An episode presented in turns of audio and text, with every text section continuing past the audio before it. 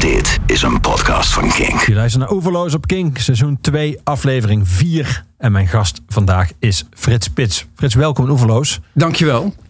Ik ga met jou praten naar aanleiding van en over uh, jouw boek Alles lijkt zoals het was. En op pagina 132 van jouw boek schrijf je opeens alsof je het je bezorgen afvraagt. Bent u er nog? Ja. Tegen de lezer. Ja. Waarom was je bang dat de lezer op dat moment wellicht er niet meer zou zijn? Nou, omdat ik, omdat ik natuurlijk uh, voortdurend over mezelf en over mijn uh, overleden vrouw praat. En uh, omdat je je afvraagt tijdens het schrijven: is het wel interessant genoeg en is het wel boeiend genoeg? En het, het, is, het was mijn stroom waarin ik de, verzeild was geraakt. En je weet niet of dat de stroom van een ander is. Dus daarom vroeg ik: bent u er nog? Ja. Ik, ik zelf had een enorme cadans in het schrijven. Ik, ik heb geschreven alsof de duivel op, me, op mijn hielen zat. Uh, in een tempo die, dat bijna ongelooflijk is. En, had je het gevoel dat je haast had?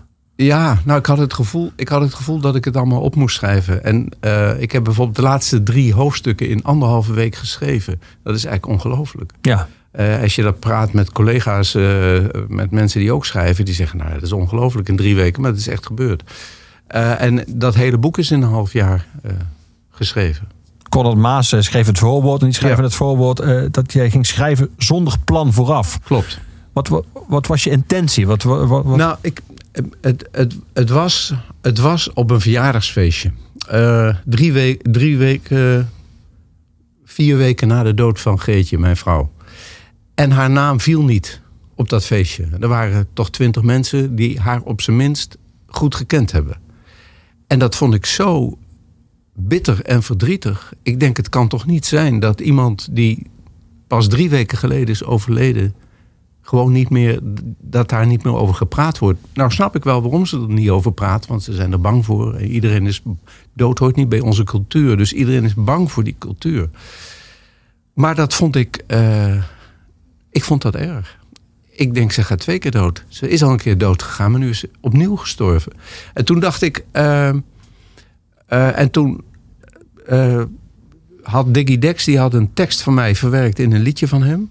La, La Vie est Belle. Ja. En dat was eigenlijk het begin dat ik ben, ben gaan schrijven. En toen dacht ik. Dan weet iedereen van haar en dan kan ik over haar praten. En dan zullen misschien andere mensen over haar praten. Dat ze er wel degelijk geweest is.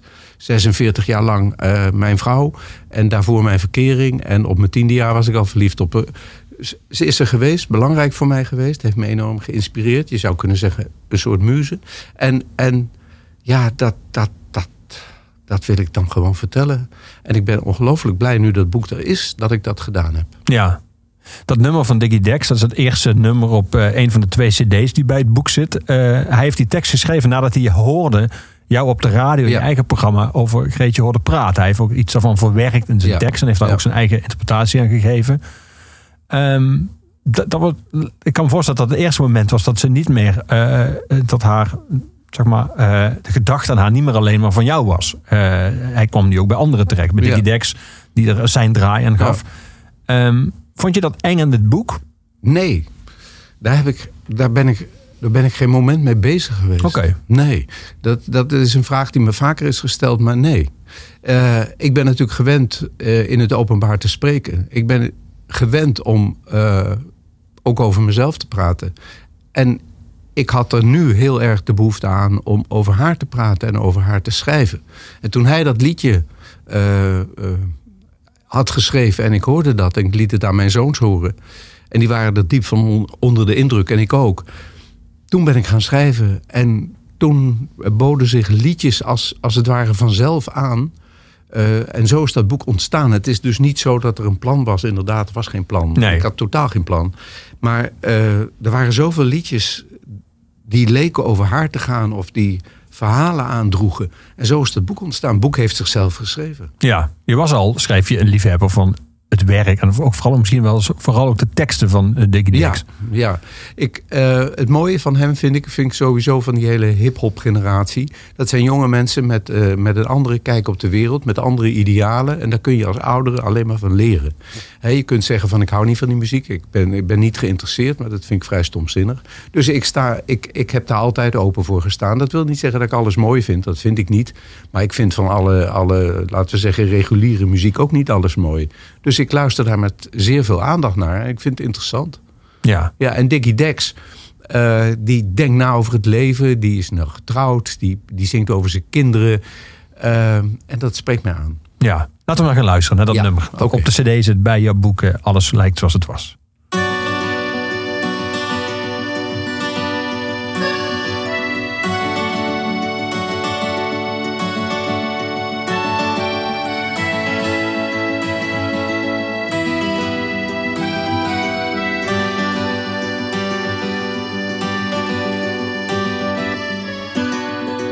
Geld laat de wereld draaien.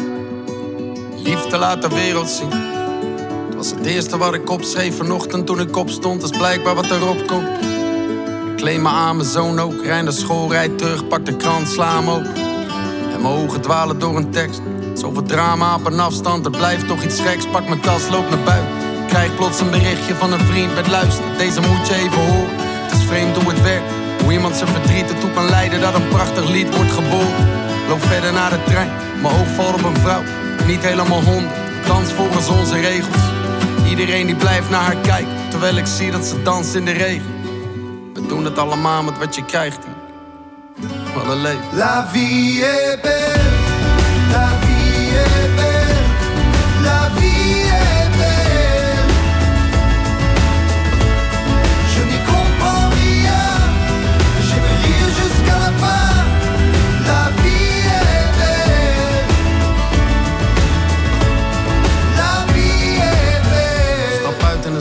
begin te lopen. Langs nieuwe straten waar ik vroeger van gedroomd heb. Uit verlangens van een nooit geleefd leven. Kop telefoon op en de radio op play. Ik hoor een man terug van weg geweest zeg. Het ging even niet zo best, laat me rustig uitleggen. Ik heb net mijn vrouw verloren. Terwijl haar beschrijft, voel ik de glimlach verborgen in zijn stem. En ik denk nog eens terug aan al die eindeloze nacht. Met mijn vrienden, mijn geliefden en soms de donkerste gedachten. Waar ik was al die tijd, weet ik niet. Misschien ergens op een plek waar ik veel te veel verwacht. Bestel wat te drinken en schrijf wat op. Betaal de overloop weg en vervolg me toch. Richting een brug waar een man staat te gebaren. En ik denk, ach, het zal wel, ik laat. Kijk nog een keer om. Het is een vriend, hij zwaait. La vie est belle, la vie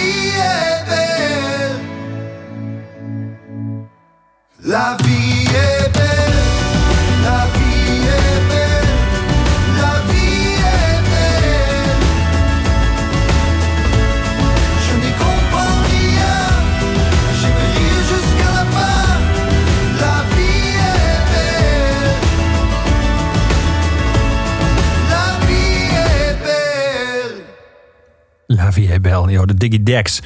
Ehm Frits, er is nog een andere reden dat je, dat je dit nummer eh, aanhaalt en ook eh, eh, uitwerkt in je boek. En dat is het thema, en zo ben ik de titel van het nummer, La Vie Belle.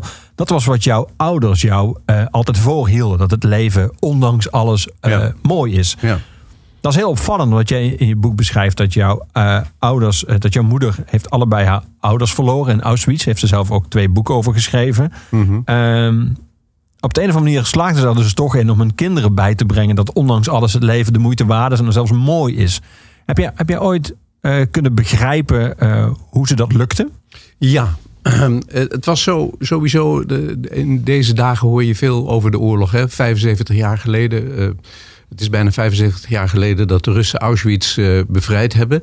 Eh, dus er wordt veel over de oorlog gepraat. En, en ik hoor ook veel verhalen eh, eh, die, die mij ook wel herinneren aan de verhalen die mijn ouders vertelden. Na de oorlog wilden ze dat zo gauw mogelijk vergeten. Dat verschrikkelijke wat er gebeurd was. En ze wilden doorgaan en ze wilden vechten voor een wereld die anders was en die beter was. Mijn vader was een eh, grote eh, idealist. Die eh, zat in de gemeenteraad voor de Partij van de Arbeid. Was echt een demo- democratisch socialist. Eh, later is dat wel een beetje bijgedraaid, moet ik zeggen. Welke kant op? Eh, iets, iets meer naar rechts. Eh, ja. Eh, hij heeft zelfs nog eh, eh, meegedacht over DS70, maar daar had hij daarna dan toch weer spijt van. Eh, en mijn moeder was, eh, mijn moeder was eh, ja, eh, eh, sprankelend en, en was in staat om, om die oorlog te vergeten, hoe verschrikkelijk eh, die ook is geweest. Maar er is een trauma geweest, dat schrijf ik ook in het boek ja, ze liep bij een psychiater die haar daarbij hielp om dat ja, te ja, verwerken. Ja, ja. en, en ze kuste bijvoorbeeld iedere avond het fotootje van haar ouders. En ze heeft ook altijd over haar ouders met mij gepraat. Ik heb mijn opa en mijn oma, mijn opa's en mijn oma's nooit gekend. En ik kreeg toch een beeld van ze. Eh, maar maar ze, ze, ze, ze leefde vooruit. Ze leefde niet achteruit. Ja. Eh, en dat heeft ze ongelooflijk veel inspanning gekost. Heb ik mij later pas gerealiseerd. Dat realiseer je niet als kind. Bovendien spraken ze in die, eh, over die oorlog voor mensen. Oh, ze spraken over Auschwitz. En ze spraken over het concentratiekamp. En ze spraken over wat daar gebeurd was. Maar altijd in de derde persoon. Dus ze zeiden niet. mijn papa en mijn mama die stonden daar. Ze zeiden de mensen, de Joden, die stonden daar in de rij en kregen zogenaamd een handdoekje en een stukje zeep en verdwenen in de gaskamer. Want dat was het verhaal. Dat vertelden ze exact, maar in de derde persoon. En eh, ikzelf eh, ben heel erg geïnteresseerd in de oorlog geweest, vooral als puber en als, als jongen. Ik wilde er heel veel van weten. Ik heb er ook heel veel over gelezen. En op een gegeven moment had ik daar, kon ik daar niet meer tegen. Want het was zo negatief en zo zwart en zo somber. Eh, bovendien, ik heb zelf een Joodse achtergrond. Eh, je gaat van jezelf bijna denken dat, dat je niet deugt of dat er iets niet is wat, wat, wat niet goed is. En eh, de muziek was er, de, de popmuziek. Ja. En in de popmuziek hoorde je Bob Dylan. En die vertelde over een andere wereld en over een wereld die zou kunnen veranderen. En eh, ja, dat sprak mij aan. De Beatles, Stones, de hele, hele cultuur, maar ook Cliff Richard en, en, en Elvis Presley. Meteen de eerste rock'n'roll plaat Ja. die ik hoorde van, van Bill Haley. Die, eh, die drukte ik aan mijn hart. Dat vond ik geweldig. Dus dat werd, dat werd mijn wereld. En daarin voelde ik mij heel erg veilig. Ook wel in de wereld die mijn ouders hadden gecreëerd. Maar het was complex. Ja. Had jij toen jij de boeken van je moeder ging lezen die ze over geschreven heeft, of was er in ieder geval erop teruggrijpt, en, eh, Mhm. had je toen, eh kom je tot nieuwe inzichten die, van, van dingen die ze je nog niet verteld hadden? Of had je het gevoel dat je eigenlijk alles wat ze beschreef Nee, nee, ook al een keer met jou had besproken? Nee, en ze schreef die boeken pas later. Hè. Ze schreef die boeken in... eh, 1990 eentje? Ja, Ja. in 1990 was Afkloppen. Dat is een heel eh, persoonlijk prachtig boekje, eh, document voor haar ouders. En in 1984 eh, schreef ze, dat was meer een journalistieke reportage... over mannen van de Prinses Irene Brigade... waarvan mijn vader deel heeft uitgemaakt. Dat zijn Nederlandse militairen geweest, Engelandvaarders... die terug zijn gegaan naar Nederland om ja, aan de invasie mee te doen. En 8 augustus is dat Nederlands detachement geland in Arromanches. En daar was mijn vader bij, die was officier van gezondheid. Ehm, dus eh, ehm, daar, hebben ze, daar, hebben ze, daar hebben ze het wel over gehad. Dus, eh, en daar heeft ze over geschreven. En, en dat boek, ik zou weer zo gek zijn, heeft ze die mannen, waaronder mijn vader, geïnterviewd. En een afkloppen dus over haar ouders. Ja. En daar las ik wel verhalen. Bijvoorbeeld dat zij in Zwitserland was. Mijn moeder is naar Zwitserland gevlucht. Ook mijn vader trouwens. Daar zijn ze ook getrouwd. Heel ingewikkeld verhaal. Dus een film, heb ik wel eens gezegd. Als dat verhaal zou worden uitgeschreven, dan heb je een film of een roman. Of... Maar, maar mijn, eh, mijn vader wilde naar Engeland. Mijn moeder wilde bij mijn vader zijn, was vreselijk verliefd op haar. Dus die zijn in, in, in, eh, in Zwitserland eh, terechtgekomen. En eh, hebben daar eh, de oorlog eh, overleefd. Mijn moeder in Zwitserland gebleven. En mijn vader dus via Engeland. Mhm. Ja. Ja. Het valt me op dat jij heel vaak als mensen over Auschwitz of over de concentratiekampen praten of schrijven, dan gebruiken ze de term bijvoorbeeld zijn omgekomen. Jij gebruikt Zijn echt het vermoord. vermoord. Ze zijn vermoord. Ja, Zoals de mensen van de MH17 ook zijn vermoord. ja, Die zijn ook vermoord. Daar, daar is een neef van mij bij om het leven gekomen. En, een, eh, en, en zijn vrouw en, en, en een neefje. Die zijn vermoord. En in Auschwitz zijn ze ook vermoord. ja. Gewoon koelbloedig vermoord. Het was een industrie. Dat is in de Wannsee-conferentie van 1942 besloten. Er is besloten, op papier vastgelegd... dat 6 miljoen mensen, Joden, zouden worden vermoord. Als je eraan terugdenkt, of als je je realiseert... wat voor een plan dat moet zijn geweest... dat is toch bestiaal. ja. Nu ben je een zeer talig persoon, dus jij gebruikt zo'n woord bewust. Je gebruikt Ja. bewust eh, het woord waar duidelijk is gemaakt dat er een dader is naast de Ja. slachtoffers. Ja, er zijn daders, Eichmann, eh, Himmler, Heinrich, eh Heydrich, de Hitler natuurlijk. Ja. Ja. Ja. ik noem de namen liever niet, want ik vind iedere keer dat ik de namen noem één keer te veel. Je gebruikt dat woord nog een keer in je boek. eh, Als je het hebt over eh, de sigarettenindustrie. Ja. Eh, want Greetje rookte. Ja. Ja. Daar gebruik ik ook het woord vermoord. Ja. Ja. En ook zonder terughoudendheid. Want die sigarettenindustrie. ja, de geschiedenis weten we inmiddels. Dat wisten wij in de jaren zestig niet, Leon. Althans, we vermoeden het misschien wel, maar we wisten het niet. En op feestjes stonden de sigaretten, die stonden in, in eh, glazen. En iedereen rookte. Iedereen rookte. Mijn vader was arts. Zei tegen zijn patiënt, je moet niet roken, maar hij rookte zelf. Ja, Dus leraar het- rookte voor de klas. eh, ja, Ik, had, ik had leraren die met een zware sigaar voor de klas. En die, het stonk echt verschrikkelijk. Maar ja, dat, dat, dat was heel gewoon. En Geetje, die was 15 jaar en die eh, kwam terug van, van een vakantie in Italië. En ze rookte. Ik vond, rook je? Ja, dat vind ik lekker, zegt ze. En dat had ze dan geleerd van vriendjes daar in Italië. En vriendinnetjes. En, en eh, toen heb ik het ook nog een blauwe maandag gedaan. Maar ik vond het zo smerig. En slecht voor mijn conditie. Ik denk, Ja. dat ga ik niet doen. Ik deed aan sport en ik eh, was al eh, buiten adem naar 100 meter hardlopen. Ik denk, dat moet ik niet hebben. Nou ja, en, en zij is blijven roken. En ze zei, laat me nou maar roken, want ik, ik vind dat lekker. Maar ze kon er niet zo goed tegen. Eh, ze, heeft een, eh, ze werd een longpatiënte, dus ze werd buiten adem. Ze is een keer met twee, met, dat schrijf ik ook, met een dubbele longontsteking opgenomen in het ziekenhuis. En toen kwam ze terug. En ik denk, nou zal het toch wel afgelopen zijn. Was begin jaren tachtig. Maar zelfs dat kon ze niet. En ik kon het er nooit echt kwalijk nemen, omdat het ook bij haar hoorde. Dat is ook het dubbele van dat roken. Dus aan de ene kant rook je, want dat is een verslaving. Daar, er zitten middelen in die nicotine. Dat heeft de fabrikant erin gelegd. Dus dat is eh, een soort moordaanslag. En degene die rookt, ja, die, die, die is aan verslaafd. En, eh, er is een andere, wat voor haar belangrijk was. Het was ook eh, bepalend voor haar houding. Ehm, eh, het gaf haar zelfvertrouwen. Ze voelde zich zeker. Ze hield zich vast aan die sigaret. Dus echt verbieden kon ik het niet. Daar hield ik te veel van. Ik viel- hield te veel van. Ik, ik snapte dat. Ik snapte dat. Maar ja, uiteindelijk eh, is ze toch gestopt nadat ze een, eh, een klein herseninfarct had. Ik schrijf ook een storingje, want ik mocht het woord infarct niet laten vallen. Eh, zo werkt dat. Dan wordt, wordt men eufemistisch, in Ja. ieder geval zij. En toen heeft ze toch nog drie jaar gerookt. Maar toen haar bloeddruk eh torenhoog was, toen zei de dokter... nou ja, ik weet niet wat u wilt. Als u uw kleinkinderen nog wil zien opgroeien, dan moet u echt stoppen. En toen is ze van de ene op de andere dag gestopt. Dus dat kon. Dat kon, omdat ze dat echt wilde. En dat vond ik een fantastische prestatie. Maar ze werd daar niet per se gelukkiger van. Ze miste haar houvast. Ze miste de sigaret. Ze miste dat wat bij haar was gaan horen. Ze miste dat. Ze miste een vriend. De sigaret was een vriend. Ja. En, eh, en dat heb ik altijd begrepen. Dus ze ging wel eens buiten Albert Heijn staan. En ze, oh, ruikt het hier toch lekker, zei ze dan. Dan- oh, God. Ja, het ging nooit echt over. En dan gingen we samen fietsen. En, en dat ging veel beter dan voordat ze ge- eh, gestopt was.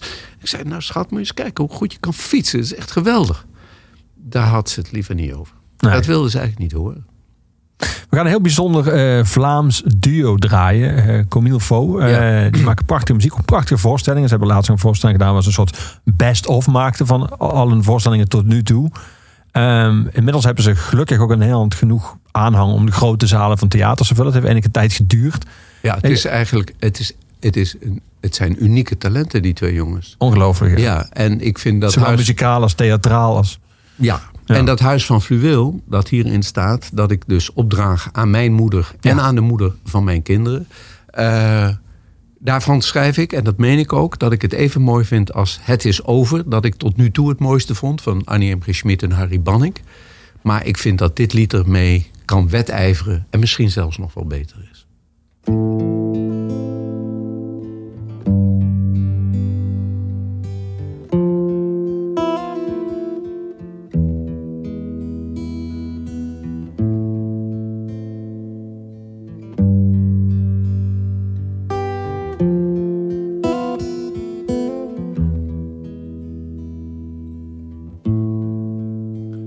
Loop het tuinpad op. De rozenstruiken in de kant. Lang geleden door mijn vader geplant. Ik zie het mos op de pannen, de schoorsteen blakeren zwart. Ik zie mijn eigen toekomstplannen, ze staan nog steeds geschilderd op de ramen. Alle namen van de meisjes van toen. En ook de dingen die we samen gingen doen. En ik weet, nu plots besef ik, het was altijd daar, diep van binnen als een verborgen juweel.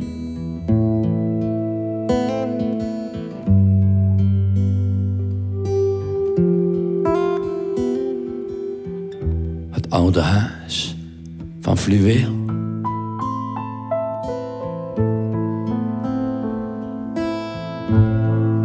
Mijn moeder voor de spiegel stond. Een lint in haar haren bond. Waar mijn vader met de hond de deur uitging. Een beeld van toen, een herinnering. Een vader en een hond. Een sterveling als elke sterveling. En ik die torens bouwden op de grond. Ik, de kleine wekeling.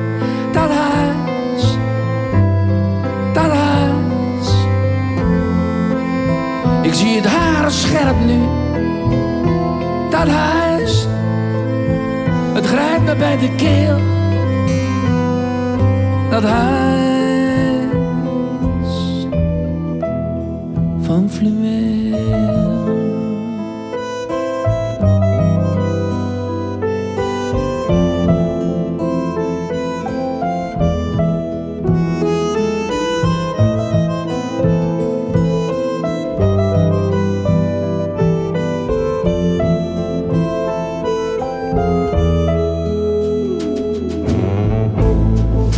Probeer het maar.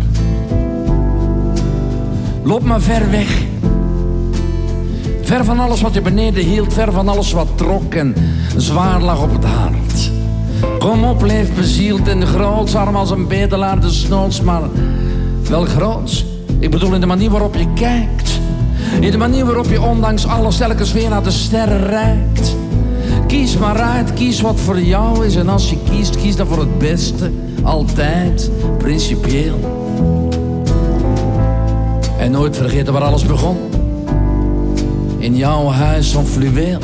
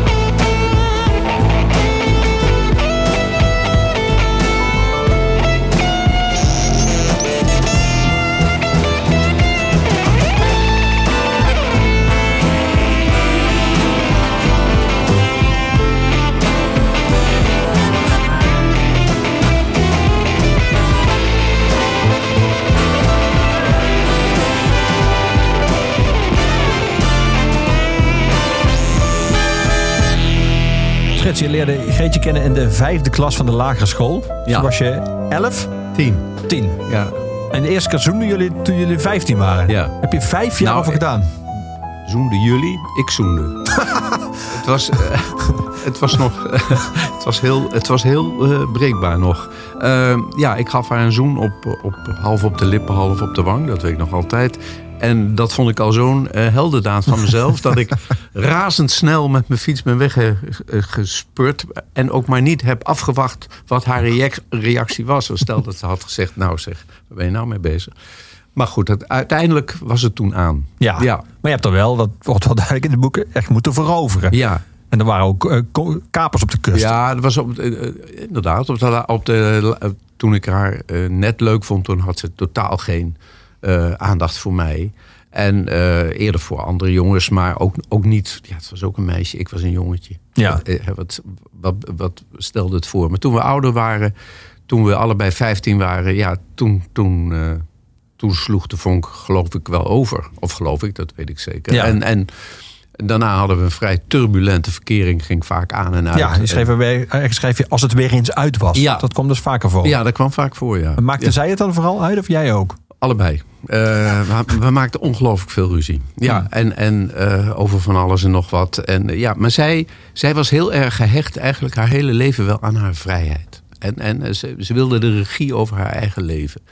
En, en uiteindelijk, uiteindelijk heeft ze zich toch moeten aanpassen aan het, aan het keurslijf van onze samenleving. Of daarin zichzelf ingeregen.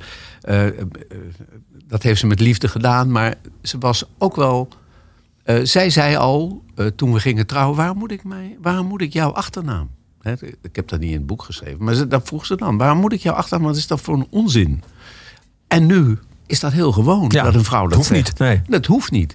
Eh, maar toen zei ik, nou, gewoon omdat iedereen dat doet. Weet je wel, ik was buitengewoon conservatief. Dus ik zei, ja, dat, dat doet iedereen. Dus wij ook. Ja. En einde discussie. En met terugwerkende kracht schaam ik me daar enorm voor natuurlijk. Ik stond daar helemaal niet voor open.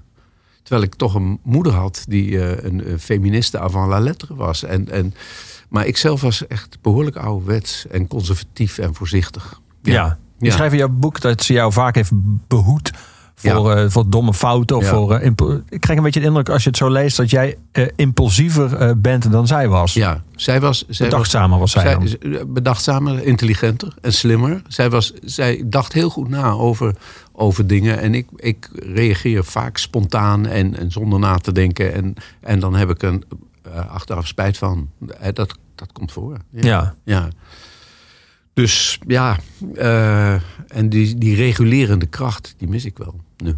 Ja, dat merk ik wel. Ja. Zijn jullie altijd zo stormachtig gebleven? Zeg maar? Ja, was, ja. nou ja. In Nee. de zin van dat Maar de, het soms krijg je na jaren een soort symbiotische relatie. die dan veel minder nou, conflictueus. we, hebben, we, we, we hebben wel altijd. Dat was gewoon huwelijk. Eh, Een, een huwelijk. eh, en iedereen die eh, getrouwd is, die zal dat eh, herkennen. Er zijn ruzies, er zijn momenten van verwijdering en weer momenten van toenadering.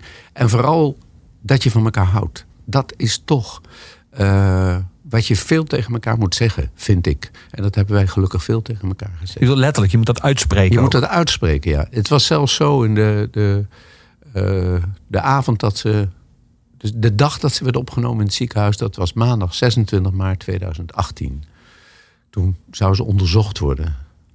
En dat was de eerste nacht sinds jaren dat ik zonder haar moest slapen thuis. En we belden elkaar en ze zei, we zeiden tegen elkaar: Ik hou van je. En zij zei dat ook tegen mij. En de dag daarna kreeg ze te horen dat ze eh uitgezaaide kanker had. Dus ja, eh, dat was voor mij wel eh, een heel belangrijk dat ze dat zei.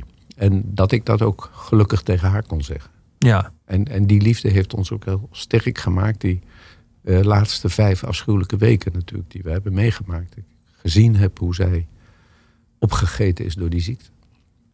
Je schrijft in je boek dat liefde vaak eh, tussen twee mensen vaak voor de buitenwereld, voor de buitenstaander, niet helemaal te begrijpen, niet helemaal te vatten was. Ook zo.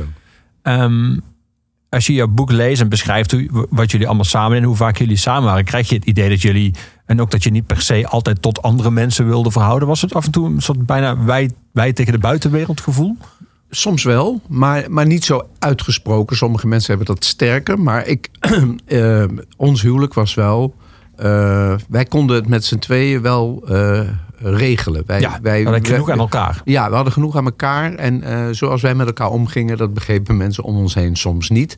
Maar volgens mij is dat heel vaak het geval. Ik heb dat bijvoorbeeld in het lied van Spinvis. ehm, komt dat, komt dat Stefan en Lisette. Ja. Dan, dat, dat, is ook zo'n veel uitgesprokener stel. dat verliefd wordt op elkaar en de eigen gang gaat. En Spinvis zingt erover en kijkt daar met verwondering naar. Wat is daar? Met al zijn vrienden in, een, in, de, eh, in, de, in, de, in de ochtendzon. En, en dan, zien ze, dan zien ze die twee. Ze, ze begrijpen er eigenlijk niks van. En ze gaan uit elkaar, Stefan en Lisette, komen weer bij elkaar, begrijpen ze ook niet. En dat, dat snap ik dan wel. Dat gebeurt gewoon tussen twee mensen. Je leert elkaar kennen, je, je leert elkaars gewoontes kennen, van elkaar houden om, om de meest, meest eh, triviale redenen soms. Maar een ander begrijpt dat niet. En, Nee. dat, en dat hoeft ook helemaal niet. Nee. Laten we naar Spinvis gaan luisteren. Dat is Ja. een prachtige nummer inderdaad.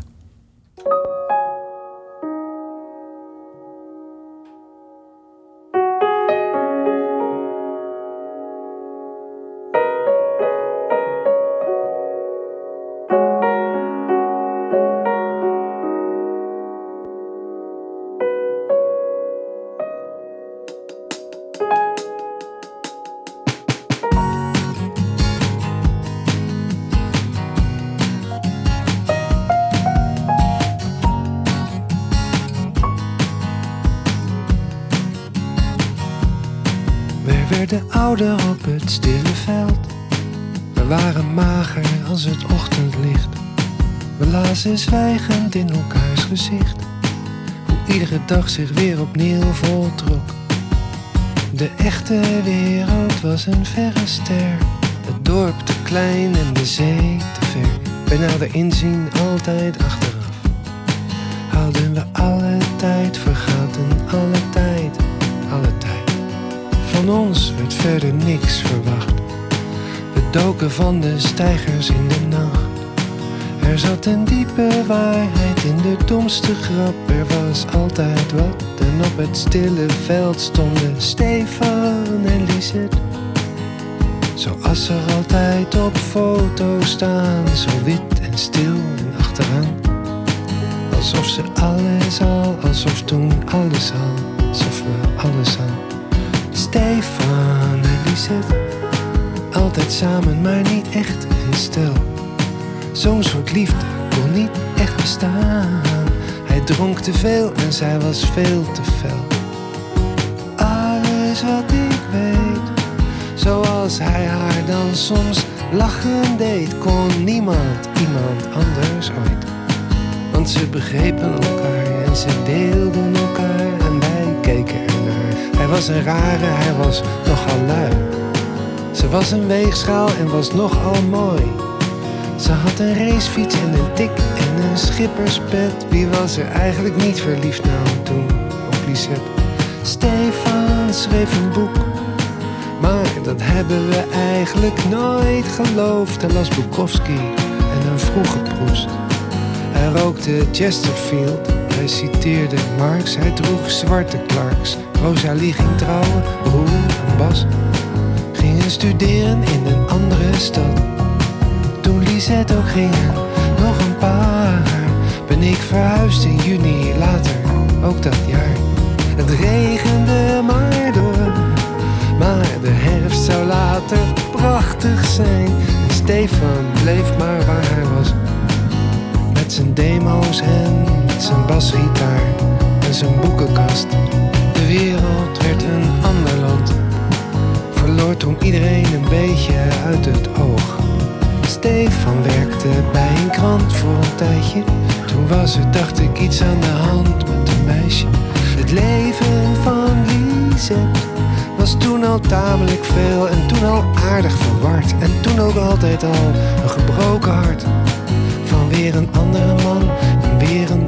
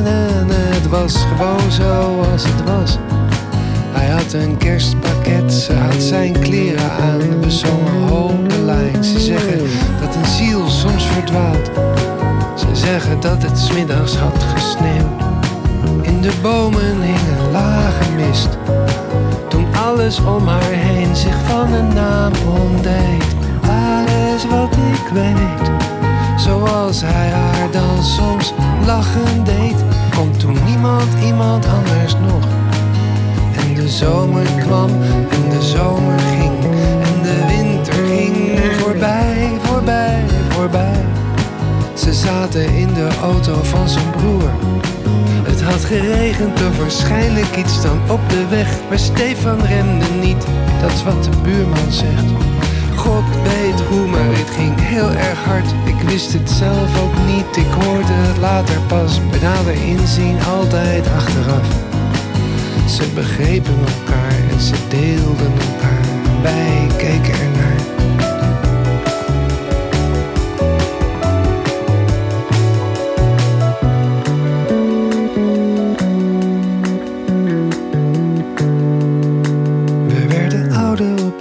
Veld. We waren mager als het ochtendlicht. We lazen zwijgend in elkaars gezicht hoe iedere dag zich weer opnieuw voltrok.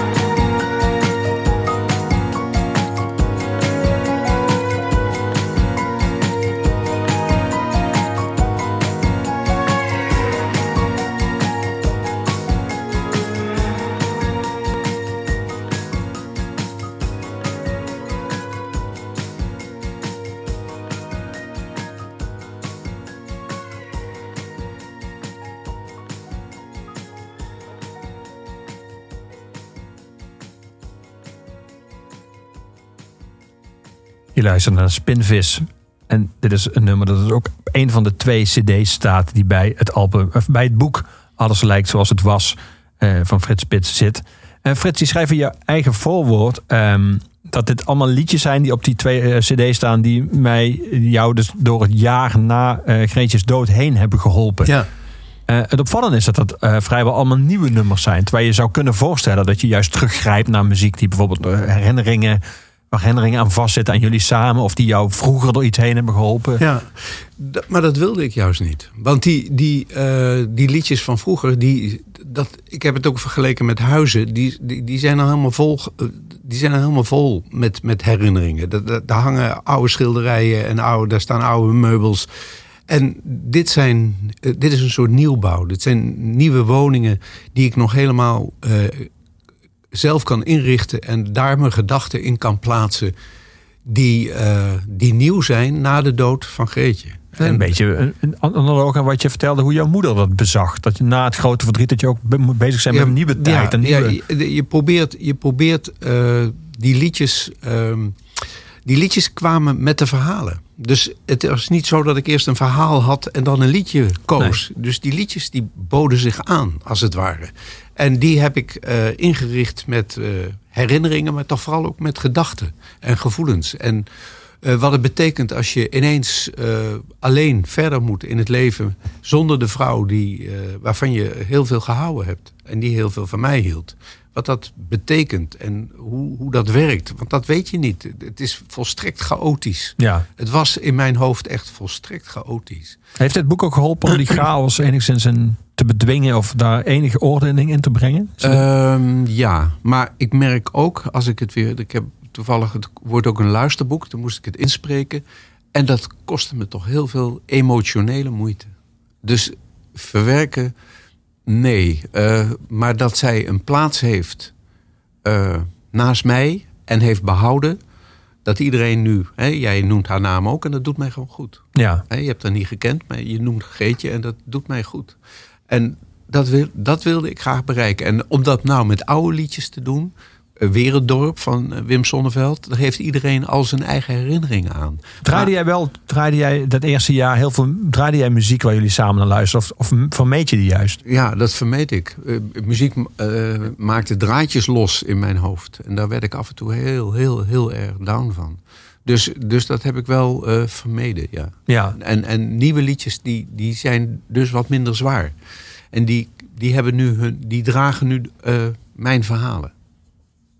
Heb je nu, ehm, zijn er liedjes die je, kun je alles nu draaien nu? Ze is op 4 mei 2018 overleden. Dus dat betekent dat je het eerste jaar waarin je alles voor het eerst alleen doet, dat heb je gehad nu. Ja, Eh, de ja. eerste keer kerst en alle, al die momenten, verjaardagen. En, ehm, heeft dat iets veranderd? Er is iets meer structuur. En eh, ik weet nu zeker dat ze niet meer terugkomt. Weet je, in het begin, als ze, toen ze net dood was, toen dacht ik, nou, ik zal me wel vergist hebben. En ik hoor af en toe, eh, het, he- het is wel veranderd. Eh, ik, ik weet dat het zo is. En ik heb, me, ik heb het verdriet, neem ik met me mee. En, en iedereen weet dat dat bij me hoort. En dat werkt wel beter. Maar je kunt toch af en toe, of ik word af en toe overvallen door een enorm gevoel van verdriet. Ehm, ik zal een voorbeeld geven. Van de week eh, reed ik op de fiets langs een kapper. En daar zat een vrouw met net zulke krulletjes. Ik zag haar alleen op haar achterhoofd als, als scheetje had. En toen dacht ik, meteen aansluitend daarop aan... de momenten dat ze thuis kwam, net bij de kapper was geweest... en mij verwachtingsvol aankeek in de hoop dat ik zou zeggen... het zit leuk. Dat zei ik ook altijd natuurlijk. Maar, en, en dat zijn van die momenten waarbij je gewoon... eh, of dat mijn kleinzoon eh Robbie, wat een ongelooflijk leuk mannetje is... eh, die, die liep voor me met een rugzakje. Hij is twee jaar, een schildpad rug, rugzakje. En die was zo vrolijk aan het lopen. En dan realiseerde ik me, god wat jammer dat ze dat niet kan zien. Weet je, dat zijn... Je wordt er overvallen. Het is niet zo dat ik 24 uur per dag met tranen in mijn ogen loop. Helemaal niet. Eh, maar je wordt er overvallen. Verdriet overvalt je. Kun je alles inmiddels wel luisteren van muziek waar jullie bijvoorbeeld samen luisteren? Of heb je sommige dingen echt opgeborgen van dat was van ons en dat wil ik niet meer? Nee, nee, dat, nee, nee hoor, juist wel. Ramses Shaffi, waar we veel naar luisterden, of Neil Young, of, of, of, of Crosby, Stills, Nash Young, of de popopera Tommy. Eh, die vond Van de zij, Van de Who, dat vond zij te gek. Eh, dus dat had ze dan heel hard op de hoofd staan. En ja, nee, dat kan ik wel weer. Want je beschrijft, eh, karakterologisch verschilden jullie eh, nogal. Maar je beschrijft ook dat jullie bijvoorbeeld in politiek opzicht best wel op één lijn zaten. Was er op muzikaal gebied een soort grens? Een gebied waar jij wel in ging en zij niet? Of andersom? Nou ja, ik, ik was altijd wel geïnteresseerd in, in wat nieuw was. En dan moest zij dan wel even aan wennen. Ja. Dus, dus maar dat is normaal. Eh, hè, dus toen ik begon met hip-hop in de taalstaten te draaien, toen zei ze: waarom moet je dat draaien? Maar na drie weken vond ze het prima. Dus ja, je moet er even aan wennen. Hè? Dus bij alles wat nieuw is, eh, daar, daar hebben mensen moeite mee. Ja. Daar had zij ook moeite mee. Eigenlijk moest je thuis hetzelfde doen als wat je al jaren op de radio doet. Mensen een soort pionier zijn en mensen meenemen. Ja, ik, ik, ik heb altijd. Maar dat gaat vanzelf, dat neem ik me niet voor. Dat zit gewoon in me. Als ik iets nieuws hoor, waarvan ik denk: oh, dat is mooi, dan wil ik het laten horen. Dat is, dat is eh, noem het zendingsdrang, dat is het eigenlijk niet. Maar Het is gewoon. Ik heb radio maken en eh, altijd beschouwd als aan mijn beste vrienden en vriendinnen eh, iets laten horen wat ik de moeite waard vind. En meer is het niet. Het heeft bij mij nooit iets verder achter gezeten. Dat is het. Moet je nou toch eens luisteren. Ik, ik hoorde vanmorgen toevallig bij het afluisteren een liedje van Hans de Boy. Die had ik, immer, die had ik eerlijk gezegd al. Ik denk, nou, dat is, eh, die is ook niet goed meegegaan natuurlijk. Maar heeft twee hele mooie liedjes. Een vrouw zoals jij en Annabel. Maar die heeft dus nu een liedje gemaakt dat heet Mooier. Ik wist niet wat ik hoorde. Zo, zo goed vond ik het. Ik denk, wat, wat. En dan, dan wil ik heb, ik twitter bijna nooit, maar ik heb dat zelfs getwitterd vanmorgen, omdat ik het zo mooi vond. En dat doe ik bijna nooit. Nee. Ja, Dus, de- dus dat enthousiasme voor de muziek, dat is, dat is er gelukkig nog altijd. Het is wel fijn dat jij dan een van de weinige mensen in Nederland bent die Twitter gebruikt gewoon voor iets leuks en positiefs. Want dat, Ja, ik ga niet zeg- zitten te zeuren. Nee, daar heb ik geen zin in. Dat wordt al genoeg gedaan. En bovendien schieten we daar niks mee op. laten we hem gaan draaien. Ja. Dat nummer. Ja. We hebben het erover. We moeten hem ook draaien, vind ik. Hier is Hans de Boy met Mooier.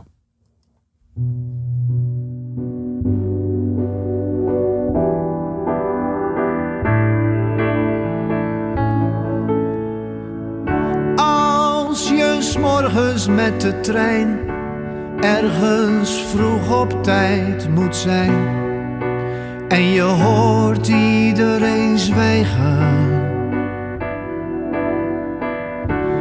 Welke eisen men ook stelt, alles bij alles opgeteld, wil ik bij jou zijn. Mooier, mooier, mooier dan je zelf weet. Je bent mooier, mooier. Ik hoop dat je het niet vergeet. Als je tussen wal en schip hangt en je antwoorden zijn op. Een plek in jouw hart, in jouw toekomst. Er is een plek in jouw noodzaak, in je vertrouwen ver weg. Dichtbij om van te houden. Het lijkt wel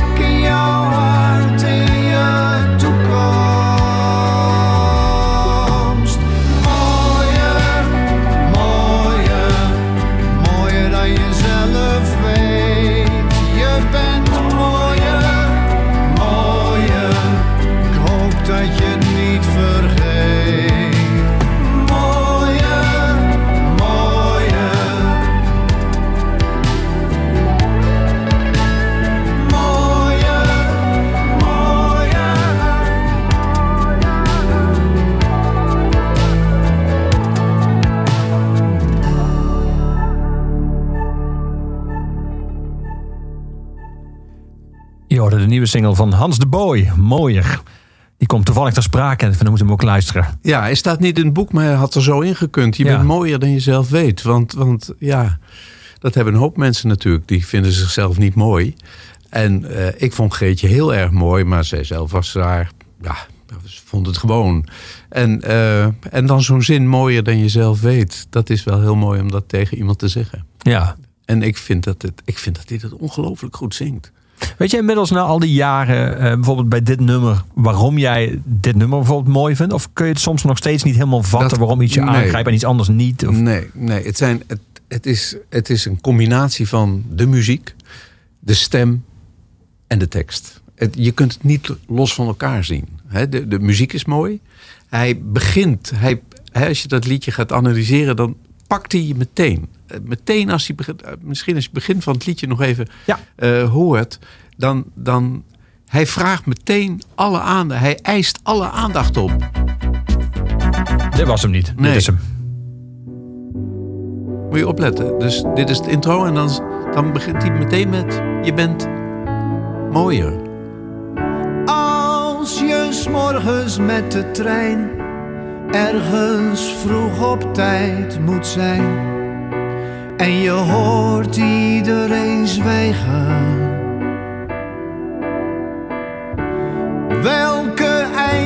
Men ook stelt, alles bij alles opgeteld, wil ik bij jou zijn. Mooier, vraagt, hij, Mooier hij dan vraagt je meteen de aandacht. Hij eist meteen alle aandacht op. En die beginzin is ook van met die trein. Dit is natuurlijk ook wel slim, want uh, je je begint met als jij zo morgens de trein, en dan ben je ook weten, oké, ja, wat dan? Ja, ja dus dan precies. moet je meteen naar zin Ja. 2 luisteren. Maar jij zegt het is slim. En ik denk dat hij daar niet eens over nadenkt. Ik denk, ik denk dat, en dat is volgens mij de essentie van echte kunst, is dat het uit de ziel van de kunstenaar komt. Ehm, en dat hoor ik. Ja. Ik hoor dat het niet bedacht is. En, en alle liedjes die bedacht zijn, die vallen wat, veel liedjes vallen door de mand. Omdat ze via vaste patronen, of zo zal wel een hit klinken. Maar dan is het juist geen hit. Ja. Maar hij doet iets wat, net als eh, wat we net draaiden, comme il faut. Zij doen iets wat, wat eigen is, wat van hunzelf is. Toch is het grappig, want als je, ik, ik ben geneigd om dat met je eens te zijn, maar toch, je zou het woord slim verondersteld, of dat hangt een beetje iets aan alsof het inderdaad iets bedachts is. Maar je zou het ook zijn vakmanschap en ervaring kunnen noemen, dat hij weet hoe, eh, hoe, Ja, dat je, hoe Dat iemand kan. vasthoudt bijvoorbeeld. Het hoeft niet per se het nummer minder integer te maken. Nee, kan nee, nee, gewoon- nee, dat is waar. Maar ik denk toch, ik denk toch dat, dat de intuïtie eh belangrijker rol speelt dan slim. En bij het afwerken van het liedje zal hij ongetwijfeld zijn vakmanschap mee laten wegen. Maar ik denk dat in eerste instantie het kunstenaarschap eh, eh, centraal staat. Wat ik hoor, wat ik denk te horen. Ja. Het feit dat jij zo taalgevoelig bent, heeft dat, heb je dat ook wel eens zelf vervloekt? Want dat zou ook kunnen betekenen dat je sommige muziek, waarvan je bijvoorbeeld de zanglijn of de melodielijn of de stem Ja. jou heel erg aanspreekt, dan toch dat je daar toch op, af, op afknoopt, Ja. omdat er gewoon Ja. één woord. eh, Ja, ik kan me herinneren dat ik vroeger, ik luisterde Ja. altijd naar jou, dat er Ja. op een een tirade hield tegen het nummer in de disco van Noodweer. Dat vond je verschrikkelijk. Dan zat een soort, er zat een hele platte zin in. En, en op, daar heb je Ja. een soort van uitgelegd ook aan ons luisteraars waarom dat nummer verschrikkelijk was.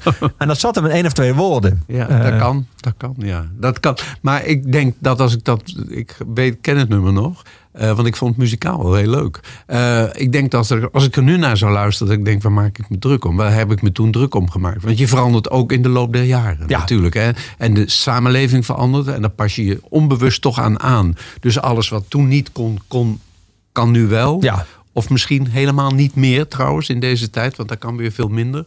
Eh, dus ja, dat, dat is. Maar ik vind taal, dat is wel belangrijk. Ik- Taal kan lelijk zijn. Of, le- of gewoon dat verkeerde woorden worden gekozen. Of dat het niet klopt, of obligaat is, of clichématig. Ja. En dan, dan knap ik wel gauw af, ja. Maar als je zo'n tekst van, van Spinville, Spinvis beluistert en hij zegt... eh, ik heb een kerstpakket eh, waarmee hij, kunstenaar, aantoont van... ik heb me helemaal aangepast aan de samenleving. Ik vind dat een vondst. Dan, dan, dan treedt de poëzie in de popmuziek en dat vind ik mooi. Ja. We gaan dadelijk een nummer draaien van eh, Wende. eh, voor alles is een tekst van Joost Zwagerman. Eh, jij schrijft in je boek dat jij anders dan Zwagerman moeite hebt om angsten met de wereld te delen. En dat je daardoor nooit een echte schrijver zult worden of bent geworden. Ehm, Ja. Het fascinerende vind ik dat jij in, in dit boek juist het tegenovergestelde doet. Want je, je, je deelt wel met ons wat je vreest, wat is bewaarheid geworden, wat je, Ja. wat je diepste gevoelens zijn. Maar zo openhartig als Joost Zwageman, dus echt 100% openhartig, ik denk niet dat ik dat durf. Hij is dat, hij is dat wel, in ieder geval over zijn angsten. Is dat een kwestie van, je associeert dat met durf? Is dat, is dat, lef? ja, ik denk dat de echte schrijver is moedig. Ik vind, ik vind schrijvers echt moedig. Dat zij gewoon eh, buiten, eh, je buiten hun, hun hoofdpersonen ook dingen kunnen laten doen. Waarvan ik denk van, hoe kun je het ze laten doen? Maar die treden buiten zichzelf en die treden in het verhaal. En Ja. die maken dus een roman of een. Of een ik, denk, ik, denk ik, ik heb wel eens het verschil gemaakt tussen een schrijver en een opschrijver. En ik ben zelf meer een opschrijver. En een schrijver is eh, mateloos, oeverloos. Mhm. Ja. Je zou ook, als ik even advocaat van de duivel speel, zou je kunnen zeggen dat een schrijver zich altijd, een romancier, kan zich altijd verschuilen als hij erop aangesproken wordt. Achter zijn personage. Ze kan altijd zeggen, dat, heb, dat, dat ben ik niet, dat is mijn personage. Of dat is, het, het verhaal riep dat op, het verhaal dwong dat af. Eh, dat, dat kun jij niet. Alles wat jij hier schrijft, kan ik jou en kunnen alle andere lezers jou op aanspreken. Ja, ja.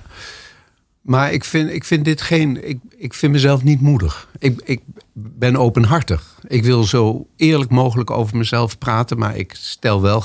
Ik heb wel grenzen, dingen die ik niet vertel. Ja. En eh, ik denk dat een schrijver misschien nog openhartiger zou durven te zijn. Dus ik, ik, ik, heb wel een grens. En Joost Wageman, die dus ja, eh, die ongelooflijk had te kampen met angsten, die heeft al die angsten heeft hij aan papier durven toe te, ver- toevertrouwen. Ik denk niet dat ik dat. eh, ik denk dat dat mijn angst zou zijn om dat, Om dat echt, te doen. Om dat echt te durven, ja. En ik vind dat wel heel erg moedig. En ik vind het ook vreselijk. eh, ik wist het niet van hem. Ik wist niet dat hij zo depressief was. Toen hij doodging was ik oprecht verdrietig.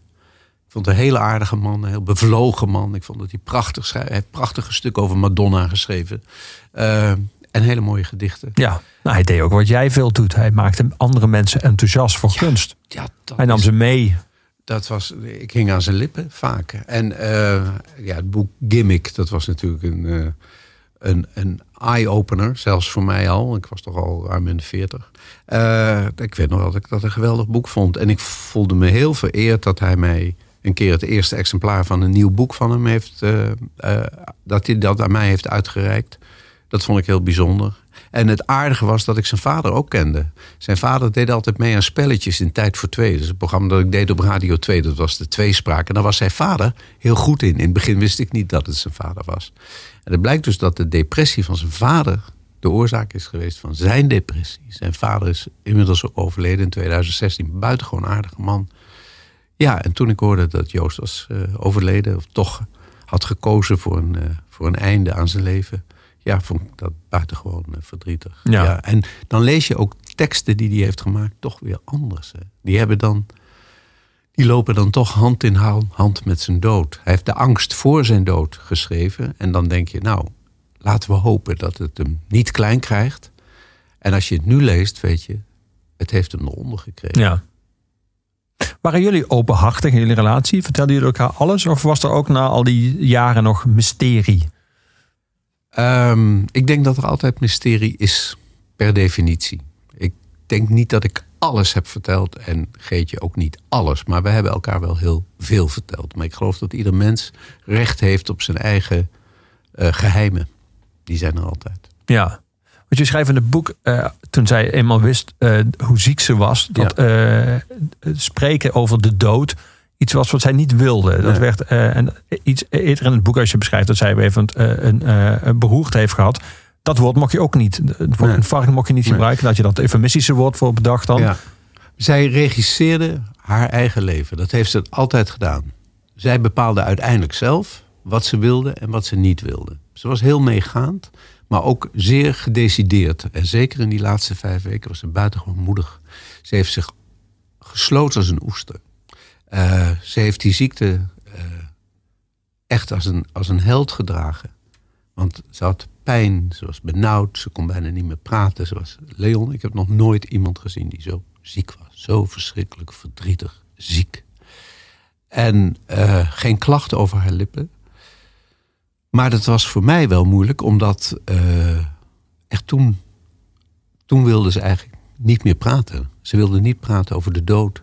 Ik vroeg op een gegeven moment, waar denk je aan? Ze zei, ik denk nergens aan. En dat had ze gedaan. Ze had, ik heb ook op de uitvaart gezegd dat ze de knoppen die ze altijd zelf, waarmee ze zelf haar eh, leven regelde, dat ze die knoppen eh, allemaal uitgezet had. Ja. Ja. Had jij behoefte om daarover te praten? Ja, Ja. ik vond het wel jammer en verdrietig dat dat niet kon. Maar ik heb dat wel gerespecteerd, natuurlijk. En ik begreep het ook. Ik, ik heb haar altijd begrepen. Zoals ik begrepen heb dat ze rookte, begreep ik dit ook. Ja, Dit je begreep paste- wat ze zei, dit- je begreep wat ze niet zei. haar. Ja, ja, dit paste bij haar. Zo, zo wilde zij het doen. Ook ter bescherming van ons, voor haar kinderen en voor mij. Dat het niet nog zwaarder werd dan dat het al was. Ze wilde ons daarvoor behoeden. Ja. Is dat wat je na al die jaren, we hebben eh, je schrijft over de liefde. Eh, Ik zou me kunnen voorstellen dat liefde dan ook is dat je afvraagt, eh, helpt het mij als we erover praten of helpt het haar als we erover praten? En als het antwoord is, het helpt alleen mij, dat je het dan dus niet doet. Ja, klopt. Ja. ja. Het hielp haar niet.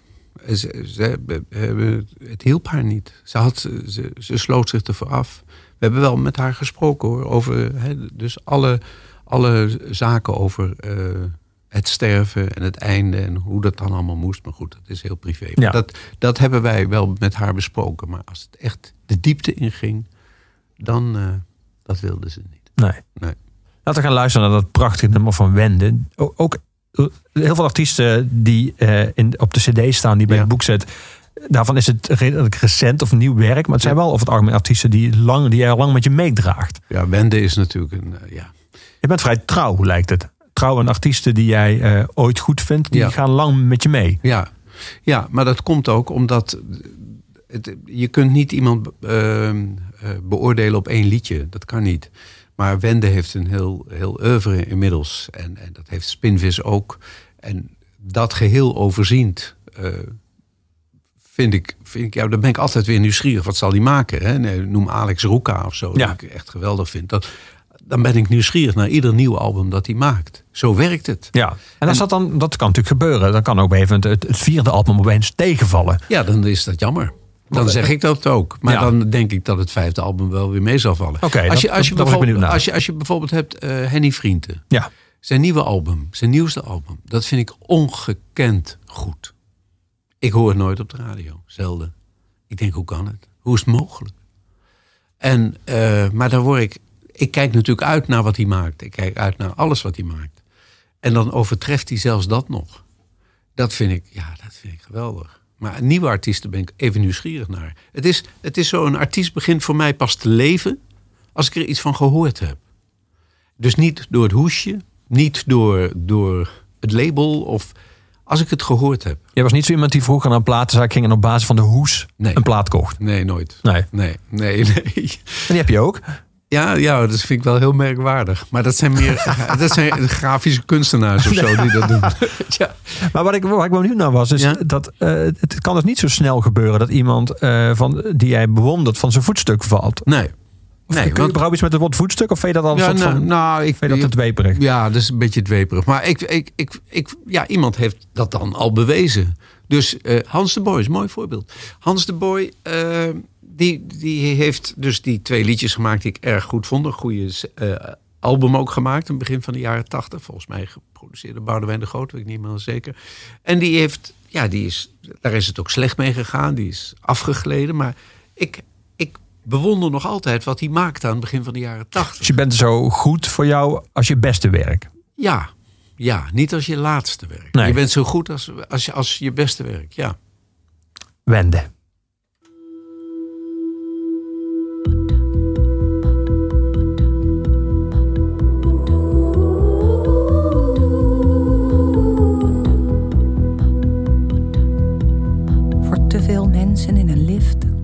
Streekbus of gewoon een kamer.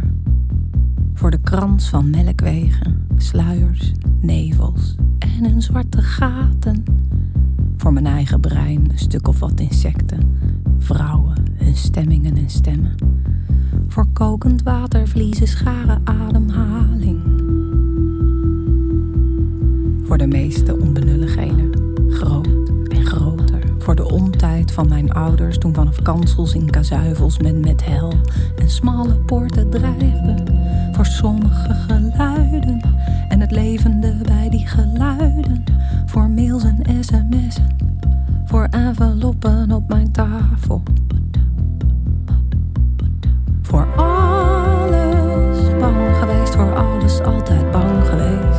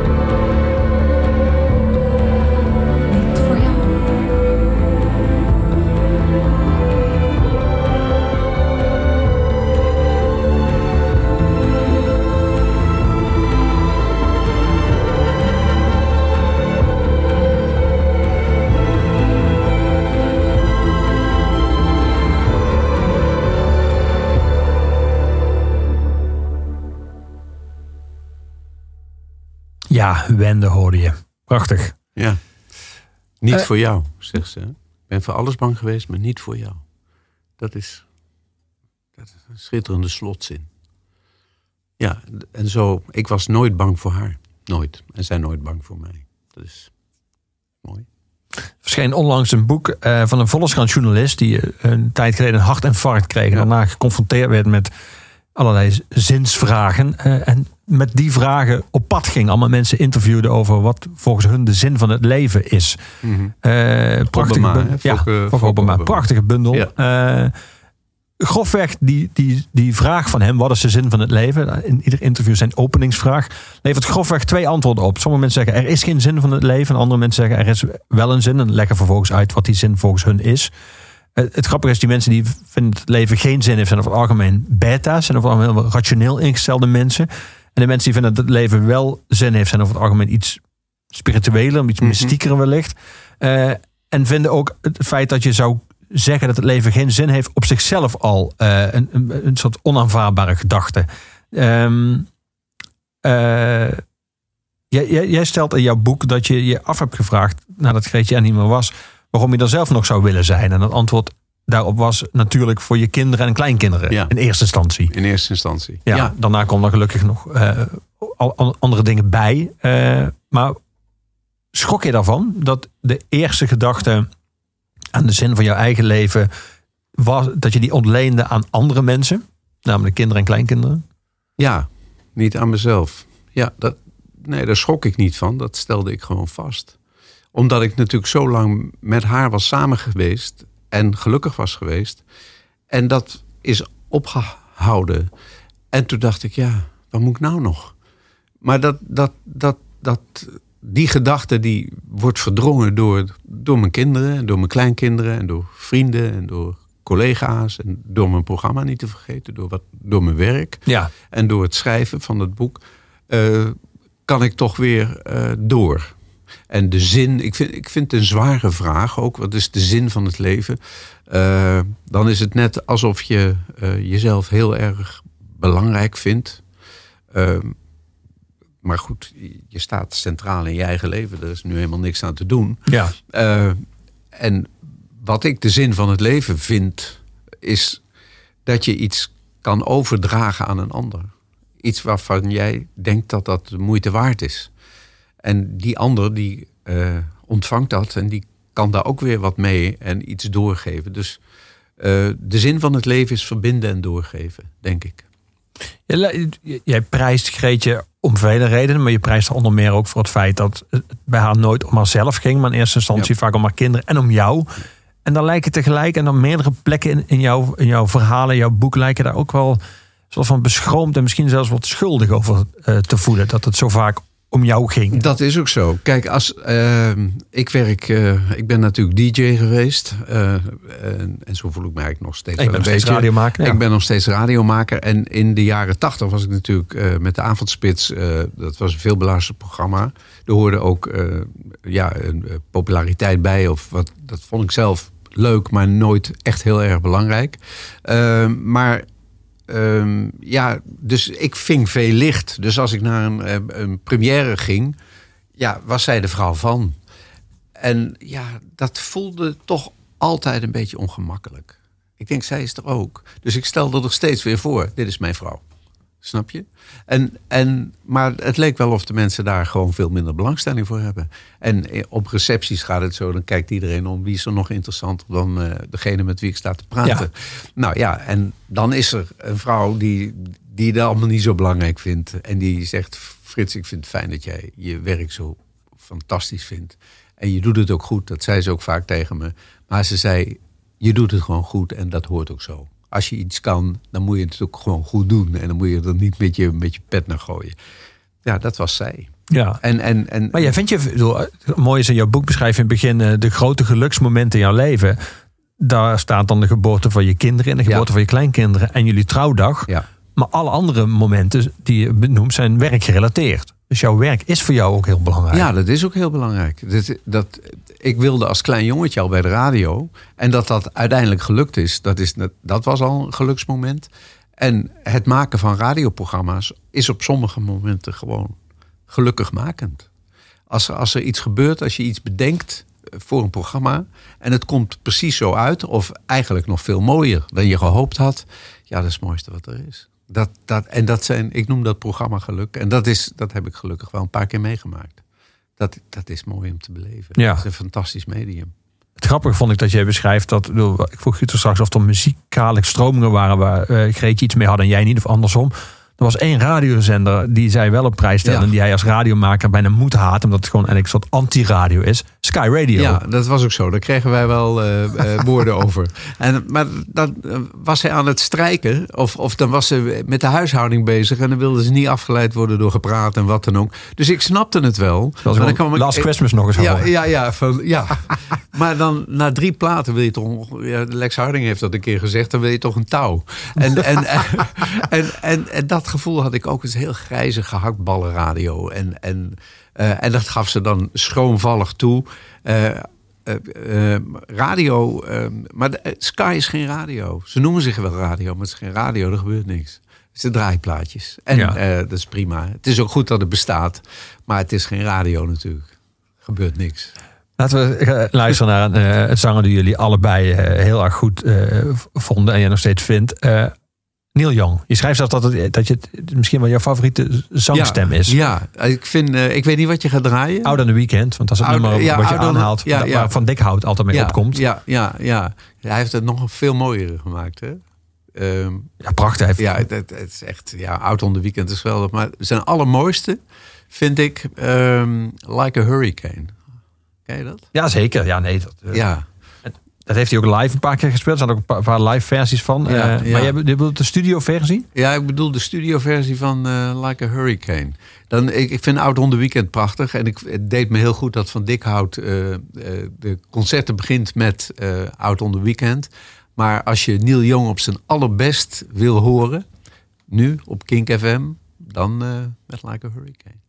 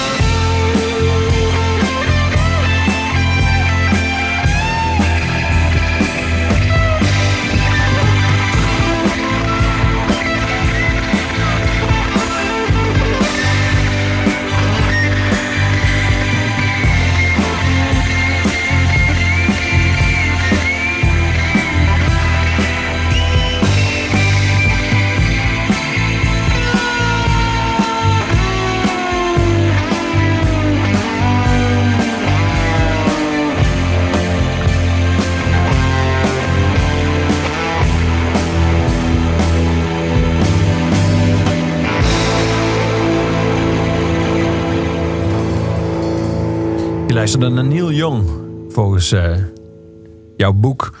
Dus dat zal wel kloppen, want je hebt zelf geschreven jouw favoriete zangstem. Ja, ja. Ik vind, eh, die, die is naalddun. Die is ragfijn. Die kan hoogte en laagte bereiken. En eh, die gaat regelrecht naar de ziel, Neil Young. Altijd ontroert hij me. Ik heb wel eens gezegd dat ik zelfs zijn slechte platen goed vind. Dat is zo. Hij heeft ongelooflijk veel gemaakt, natuurlijk. Het laatste jaar hou ik het iets minder goed bij. Maar vroeger, echt, als er een nieuwe CD of een nieuw album uitkwam van Neil Young, wilde ik dat onmiddellijk hebben. En, uh, maar het is die stem. Ja. Het, is, het is een heel bijzondere stem. En bijzonder gitaarwerk. De Ja. gitarist Neil Young herken je altijd. Ja, ja maar dat is, dat is leuk.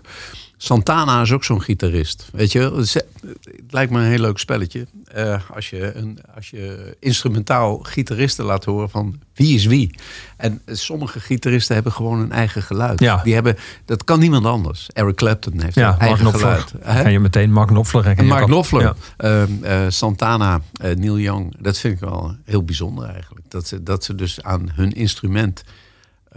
dat de instrument eigenlijk... Zo... Ik zag van de week eh, een, heel, een heel goed optreden. Dat was van een eh, collega van mij vroeger.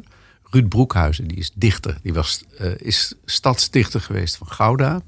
En die heeft een dichtbundel geschreven die ik heel erg goed vind. En die trad voor het eerst op. En ik was gaan kijken. En met muzikanten. met vier dames die heel, heel mooi muziek maakten. Het was een hele mooie avond. Het, het heet Een lege plek. Zo heet ook zijn eh, dichtbundel. En er was een, eh, een dame bij die speelde cello. En zij had een bijzondere mimiek, die vrouw. En het was net alsof zij met dat instrument sprak.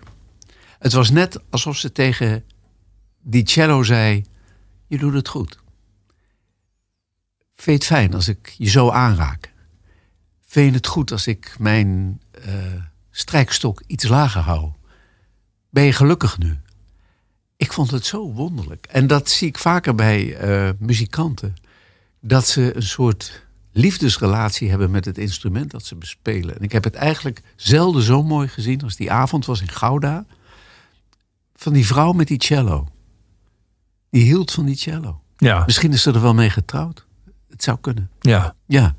Hoe kijk jij naar muzikanten als ze, het, als ze iets doen wat jou echt raakt? Ehm, zit daar ook iets van ja, jaloezie en afgunst klinkt meteen heel negatief, maar Nee, zelfs met jouw enorme taalgevoel en taalrijkdom zul jij nooit voor elkaar krijgen wat sommige muzikanten Nee. voor elkaar krijgen als ze maar één keer een instrument aanraken. Dan, Ja. dan kan alle woorden kunnen meteen het raam uit soms. Ja, dat is, dat is waar.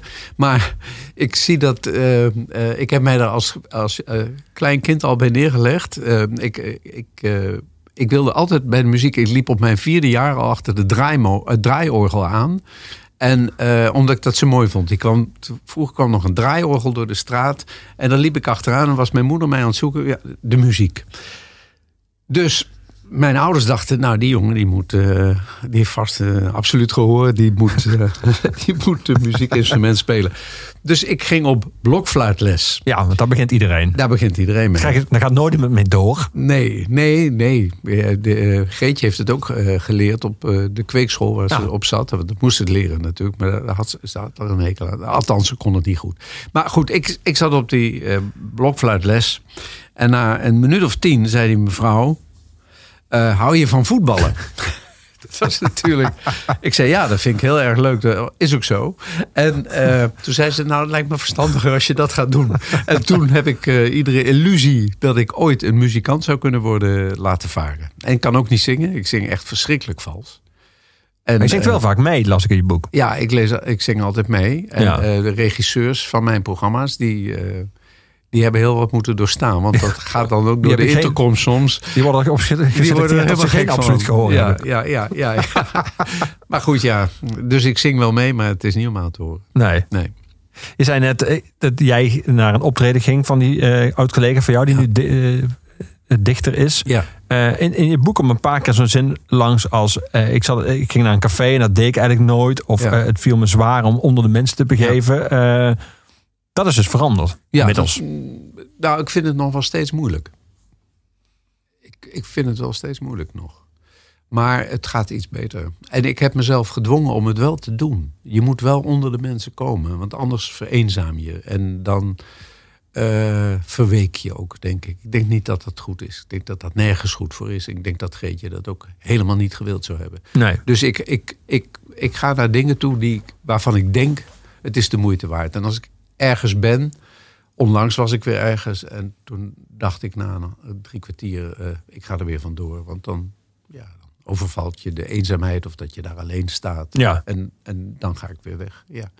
Is het dat je na al die jaren eh, verleerd bent om ergens alleen heen te gaan? Of is het ook de blik van de mensen die je vreest? Dat, dat ze soms weten. Nee, ik vrees niks. Het is, het, ik vrees niks. Ik vrees ook de blik van de mensen niet. En ik ging vroeger ook wel alleen naar, naar voorstellingen als Scheetje zei van nou, eh, daar vind ik niks aan. Nee, oké, maar zei in het begin over dat eh, verjaardagsfeest dat je het zo pijnlijk vond op het begin van dit boek Ja. eh, werd dat, dat, dat drie weken na overlijden niemand meer over haar sprak. Ja, dat vond ik. Ik zou me kunnen voorstellen dat, dat als je weet, zeker nu het boek uit is en je erover verteld hebt, dat mensen weten dat je, je vrouw er niet meer is. Dat Ja. mensen naar je kijken, met een, wat waarschijnlijk medeleven is, maar wat, ook, wat je ook als medelijden zou kunnen interpreteren. Ja, dat, dat, dat, daar heb ik geen last van. Oké. Nee, en mensen zijn ongelooflijk aardig. Dus, dus nee, dat, daar heb ik geen last van. Maar alleen, gewoon alleen zijn, dus die lege plek naast je. Die plek die niet is ingevuld, dat is, dat is lastig. En dat overvalt me soms. En ja, dan ga ik gewoon naar huis. ja. En ik, ik ga ook nog niet echt graag naar hele grote voorstellingen waar heel veel mensen zijn. Dat liever niet nog. Nee. Nee. Je zei net even in een bijzin eh, van dat, dat zou zij ook niet gewild hebben dat ik er alleen naartoe ging.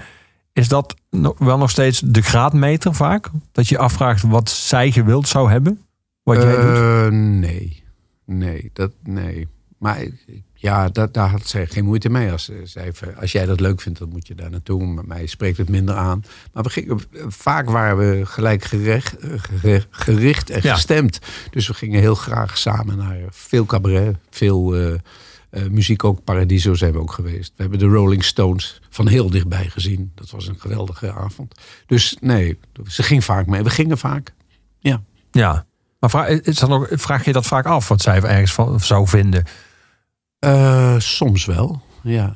Soms vraag, vraag ik me dat wel af. En dan geef ik altijd het voor mijzelf meest geschikte antwoord.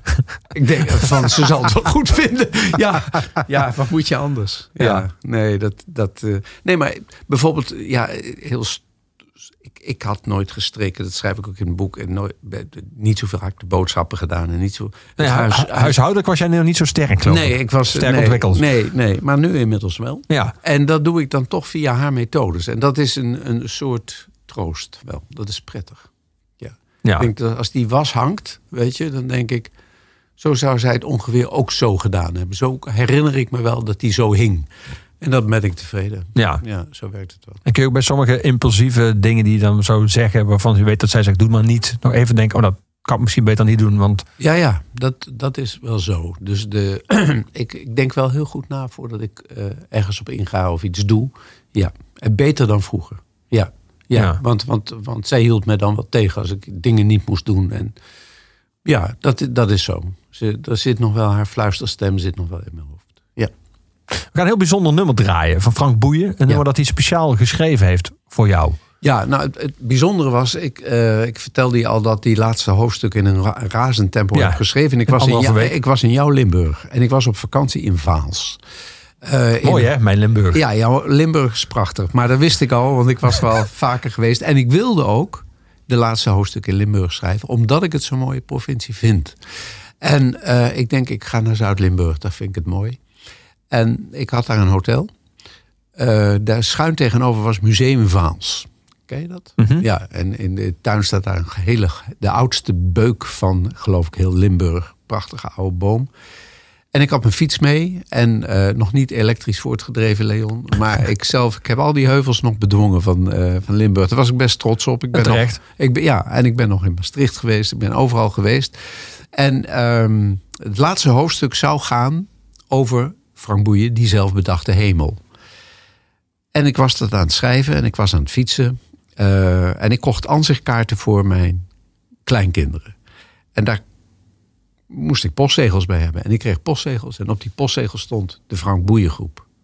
Wat ik buitengewoon merkwaardig vond. Ik denk toch, is toch iets spiritueels in die. is toch een katholiek angehaucht hier eh, in Limburg. dus ik, ik denk, nou ja, ik vond, ik vond het heel bijzonder dat ik die Frank Boeien postzegels kocht. En ondertussen bleef ik schrijven en ik schreef een soort gedicht. Alles lijkt zoals het was. Dat is de titel van dit boek, omdat alles lijkt zoals het was, maar het is niet zo. Het is heel verraderlijk dat als iemand dood is en je kijkt naar buiten, dan lijkt er niks veranderd.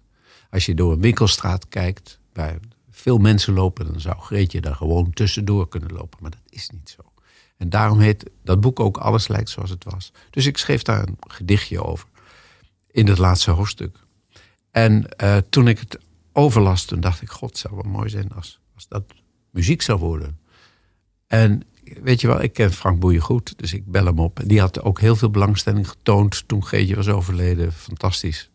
En uh, ik zei, Frank, ja, ik heb een, ik heb een tekst. En uh, het moet wel jouw tekst worden natuurlijk, want dit is van mij. En dat is zeker geen liedtekst. Maar zou, zou, zou je eens willen kijken of je daar muziek op kan schrijven? Dat wil ik graag doen, zei hij. Maar daar ben ik wel even mee bezig, want ik heb het druk. En, en, en volgende maand of twee maanden is het wel klaar. Het heeft geen haast. Fantastisch dat je het wil doen. En een dag later was het klaar. Had hij het geschreven. En hij zei, wat vind je ervan? Ik zeg, ja, ik vind het ongelooflijk mooi. En ik ben er heel blij mee. En het zegt alles over het gevoel zoals je naar de wereld kijkt als iemand er niet meer is. Alles lijkt zoals het was.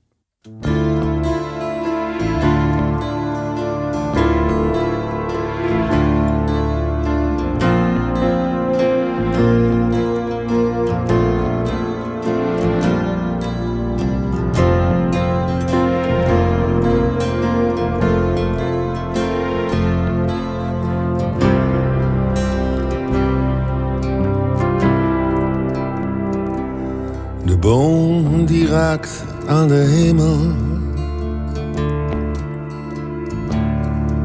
De vogels in een vlucht.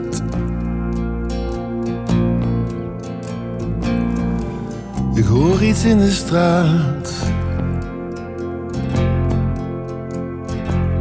Een kind dat op een schommel staat.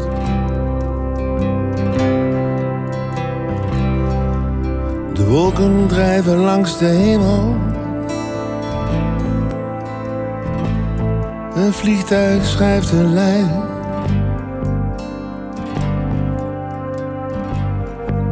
De man in een tuin. Hond die bij zijn baas wil zijn.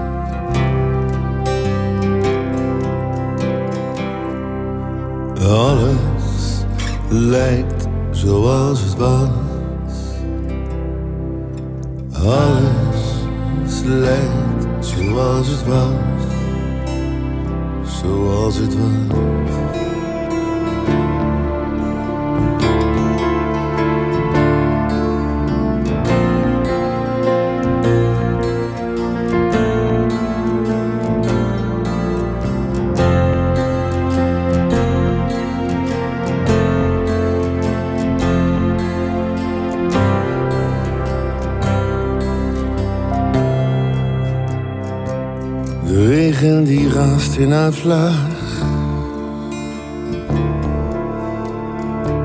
De wind die het blad opjaagt. De man die handelt op het plein. Een vrouw hangt er was aan de lijn. De zonnestralen verwarmen ons.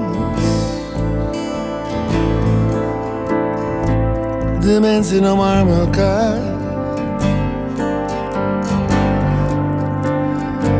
Het gefeest in de nacht.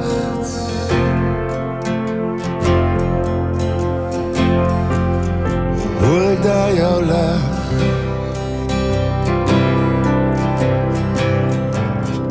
Alles lijkt zoals het was.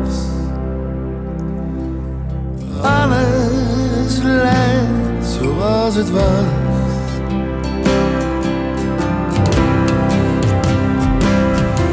Maar niets is wat het lijkt. Pas als je naar binnen kijkt. Ben je terug bij mij?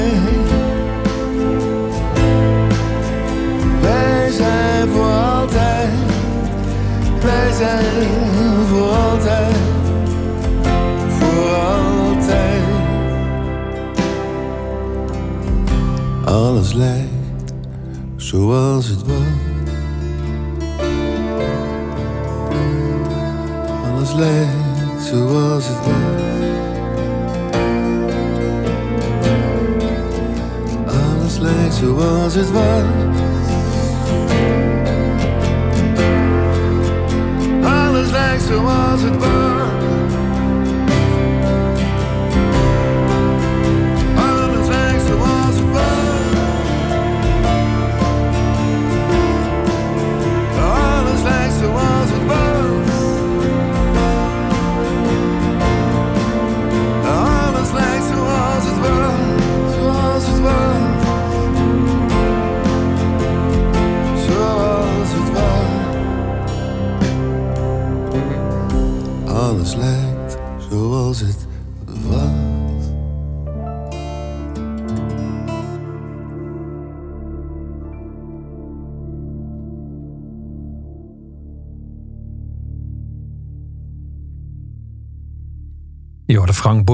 met Alles lijkt zoals het was. Speciaal voor dit boek, speciaal voor Frits geschreven. Daar moest je wel even van bijkomen, neem ik aan, toen je dit een dag later. Ja, dat was wel. En ook ehm, een boek met een titelsong, dat is natuurlijk ook wel heel bijzonder. Eh, maar zeker toen ik het hoorde, ik denk ja, dat is mooier dan ik ooit had durven dromen. En eh, dat, dat die zin, die ik heel mooi vind, alles lijkt zoals het was, dat die zo in muziek is vastgelegd. Ja, dus eh, het is een soort eh, diamant geworden die in een, eh, in een gouden armband ligt. Ja. Ja. Ik wil nog één nummer draaien van de cd's die bij je boek, bij je boek zitten. Van Joep van het Hek, het nummer waar hij zijn voorstelling al een paar jaar altijd mee afsluit. Ja. Niemand weet hoe laat het is. De ironie is dat jij in je boek beschrijft dat je naar de laatste voorstelling van Joep ging. En waar hij dit nummer ook als laatste speelde. En dat hij wel eens het verwijt krijgt dat hij altijd hetzelfde, hetzelfde doet. En nu Ja. staat hij met die voorstelling in Carré. En vorige een paar dagen geleden stond er een recensie in het Parool... waar hem exact dat voor de voeten werd geworpen. Van alweer diezelfde thema's. En ook alweer dat eindigen met dit nummer. Ehm, en het gekke vond ik dat de, de recensent leek... ehm, die leek niet eruit, erop uit te zijn om Joep van het Hek neer, eh, omlaag te halen of neer te halen. Eh, het leek alsof hij naar een soort oude jeugdheld keek. Die hem ooit heeft voorgehouden dat hij moest gaan liften naar Parijs. En dat hij ze moest doen waar hij zijn. En dat ook Joep van het Hek uiteindelijk, eh, zeg maar, Joep van het Hek is en blijft. Dat ook Joep van het Hek zich niet kan onttrekken aan zichzelf. En het leek alsof de recensent moeite had om dat te aanvaarden. Ik vond het heel, heel fascinerend. Die heb je in die loop der jaren, we hebben natuurlijk heel veel artiesten besproken waar jij, eh, waar jij een liefde voor hebt ontwikkeld. Mhm. Is het voor jou belangrijk dat iemand zich vernieuwt? Of kun je op een gegeven moment ook gewoon zeggen: dit is Nee. mijn idioom, dit is mijn geluid en daarin ga ik verder? Hij, hij vernieuwt zich wel binnen zijn idioom. Hij, hij, hij, vertelt wel weer andere verhalen. Maar hij, hij heeft een ideaal van dat je, dat je je vrij moet voelen. En dat je moet leven bij het moment. Ja, dat, zo is hij begonnen. En dat vertelt hij gelukkig nog steeds. En ik vind ook dat hij daar eh, het volste recht toe heeft. En ook gelijk in heeft. En ik vind wel dat het steeds weer nieuwe programma's oplevert. Ja, Kijk, hij, hij, hij is een artiest met dat thema. Een heel belangrijk thema, vind ik nog steeds. Dat, dat je dat je, eh, je gevoel moet volgen. En dat je, dat je je van de conventies van een samenleving niet te veel moet aantrekken. Dat je vooral je, op je, ook op je eigen kompas moet varen. En dat je je idealen moet na blijven jagen. En hij is eh, nu achter in de zestig en dat doet hij nog steeds. En dat vindt hij nog steeds. En dat Ja. vertelt hij steeds op een andere manier. Dus dat die recensent, ja, dat, het wordt hem heel vaak verweten. Maar ik vind het... Nou, het wordt heel veel kunstenaars verweten natuurlijk dat Ja. ze hetzelfde doen. Ja. Eh, dat, we hebben net Neil Young gedraaid. Die kreeg ook al jaren het verwijt. Ja, het is gewoon weer een Neil Young plaat. Ja, Dus het merkwaardige lijkt dat in kunst vernieuwing op zichzelf... dat het een soort van hoogste ideaal lijkt. ja maar vernieuwing, die vernieuwing die is er wel, maar die is binnen, binnen zijn thema. Eh, hij, ver- hij, hij wordt niet ineens een ander mens. Je kunt toch niet van Joep van het Hek vragen dat hij ineens een ander mens wordt. En dat is eigenlijk wat die recensent wil. Je moet eigenlijk een ander mens worden, je moet andere idealen hebben, dus moet er een ander programma komen. Flauwekul. Hij is Joep van het Hek, hij heeft idealen, hij staat op een bepaalde manier in de samenleving. Een samenleving om hem heen die verandert, natuurlijk. Maar hij houdt die idealen vast die hij had en die hij belangrijk vindt en nog steeds oprecht belangrijk vindt. Want er is niets gekunsteld aan hem. En ja, eh, en die idealen herken ik. En ik, ik weet wel dat hij me dat al eerder verteld heeft. Maar het kan geen kwaad om eh, deze verhalen opnieuw te vertellen. En ze van een nieuwe glans te voorzien. En dat doet hij wel. Ik vind hem ongelooflijk goed. Ja. Heb jij ooit het gevoel gehad dat je, want je bent altijd nieuwsgierig gebleven naar nieuwe muziek, maar heb je ooit het gevoel gehad dat je niet meer in een tijdsgeest hoorde? Dat je dacht van, ik, volgens mij sluit ik helemaal niet meer Nou, aan bij... Dat heb ik nu wel een beetje. Dat komt ook wel, eh, of, of niet bij een tijdgeest hoort, maar dat je. Dat de, wereld gaat, het gaat heel snel. Eh, de, de, door de sociale media eh, heeft alles een veel grotere omloopsnelheid. Ook, ook artiesten die nauwelijks tijd krijgen om te rijpen en dan worden ze alweer weggegooid. Want dan zijn ze niet meer interessant of dan word je niet meer gevraagd voor een talkshow. Het is, wij, wij verbruiken de mensen. De, de, de, de, ik, ik geloof dat we talenten heel erg eh, uitzuigen, verbruiken en weinig kans geven om echt te ontplooien. En ik, dan, ik denk dat dat vroeger wel iets beter was. Er zijn natuurlijk heel veel mensen die heel veel kunnen. Geef ze de tijd, geef ze de ruimte en laat ze. Laat ze eh, en, en, en eh, brand ze niet meteen op Twitter of op Facebook of wat dan ook af. Geef ze even de gelegenheid om, uh, om zich te ontwikkelen. Ja. Daarom, als jij twittert, schrijf je gewoon dat de nieuwe single van Hans de Boy mooi is. Dat is leuk. Ja, wat voor zin heeft het om te vertellen dat ik een plaat van meneer X niet leuk vind? Wat hebben, wat hebben de mensen eraan? Want dan vertel ik, ik vind het niet leuk. En dan? Dan gaan ze hem niet kopen, want hij vindt hem niet leuk. Of als ze mij uh, niet leuk vinden, dan gaan ze hem juist wel kopen. Maar wat, wat, wat draag ik bij? Het enige wat ik, wat ik bij wil dragen, is mijn enthousiasme voor muziek of voor taal. En dat wil ik overdragen aan andere mensen. Uh, meer niet. En dat vind ik al heel veel trouwens. Dat is ook al heel veel. Ja. ja. Joep.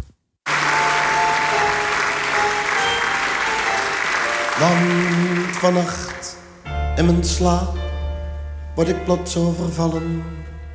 Straks komt die auto en die rijdt me kapot. Wanneer zal de dood zijn fiets bij mij stallen? Wat zal mijn clue zijn? Hoe is mijn plot? Misschien zegt een dokter, meneer nog twee maanden. En word ik door een slepende ziekte gesloopt. Men zegt dat het beter is voor nabestaanden. Maar twee maanden pijn is toch niet wat je hoopt. Deze dag is de eerste van de rest van mijn leven. Dat denken er velen bij hun ontbijt. Terwijl ik altijd denk, ik heb nog maar even. Dit wordt de laatste van een prachtige tijd. Dus moeten we dansen en moeten we vrijen. Moeten we lachen en drinken vol vuur. Lief, hou me vast, want nu ben ik nog bij je. Tijd is toch geld, dus het leven is duur.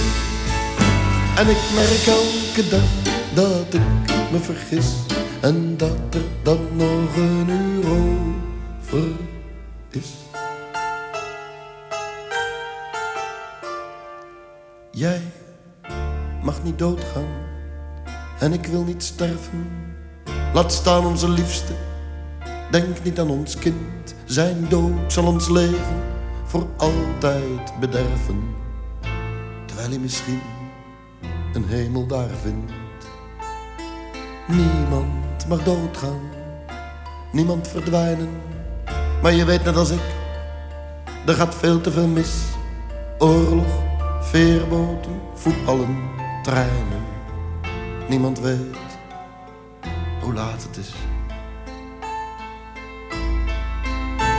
Is het vijf voor twaalf of net half zeven? Hoeveel uur heb ik nog? Of rest mij een kwartier? Hoe lang mag ik doorgaan? Doorgaan met leven? Ik heb echt geen idee, dus ik grijp het plezier. Dus moeten we dansen en moeten we vrijen. Moeten we lachen en drinken vol vuur.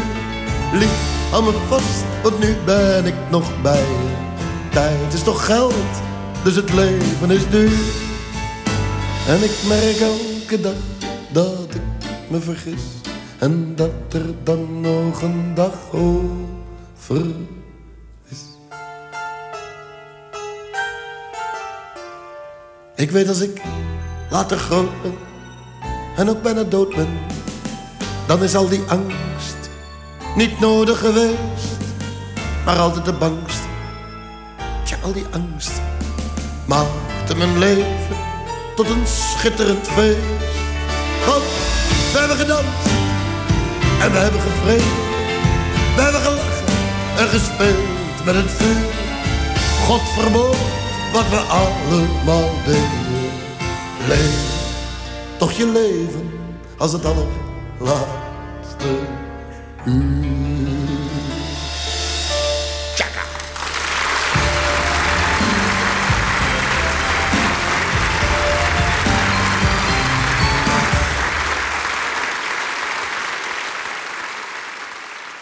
Joep van het Hek hoorde je. De live versie. Prachtig. Ja. Dankjewel Frits dat jij was vandaag in Oeverloos. Ja, ik was er graag. Vond een eh, hele belevenis om zo tussen die twee oevers eh, heen te bewegen. Ja, ehm, fijn. Alles lijkt zoals het was. Zo heet het boek. Ehm, dit was Oeverloos voor eh, vandaag, voor deze week. Iedere week te horen op jouw streamingplatforms of via de Kink app of de Kink site. Um, Oeverloos wordt iedere week mede mogelijk gemaakt door de Muziekgieterij, het eh, grenzeloze muziekpodium. En het laatste woord van ieder- iedere Oeverloos is aan onze eigen dichter, aan Luc de Vos.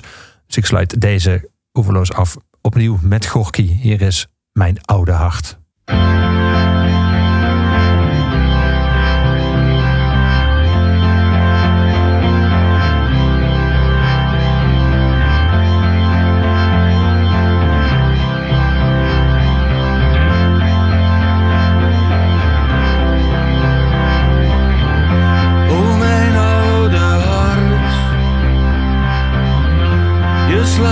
Maar door.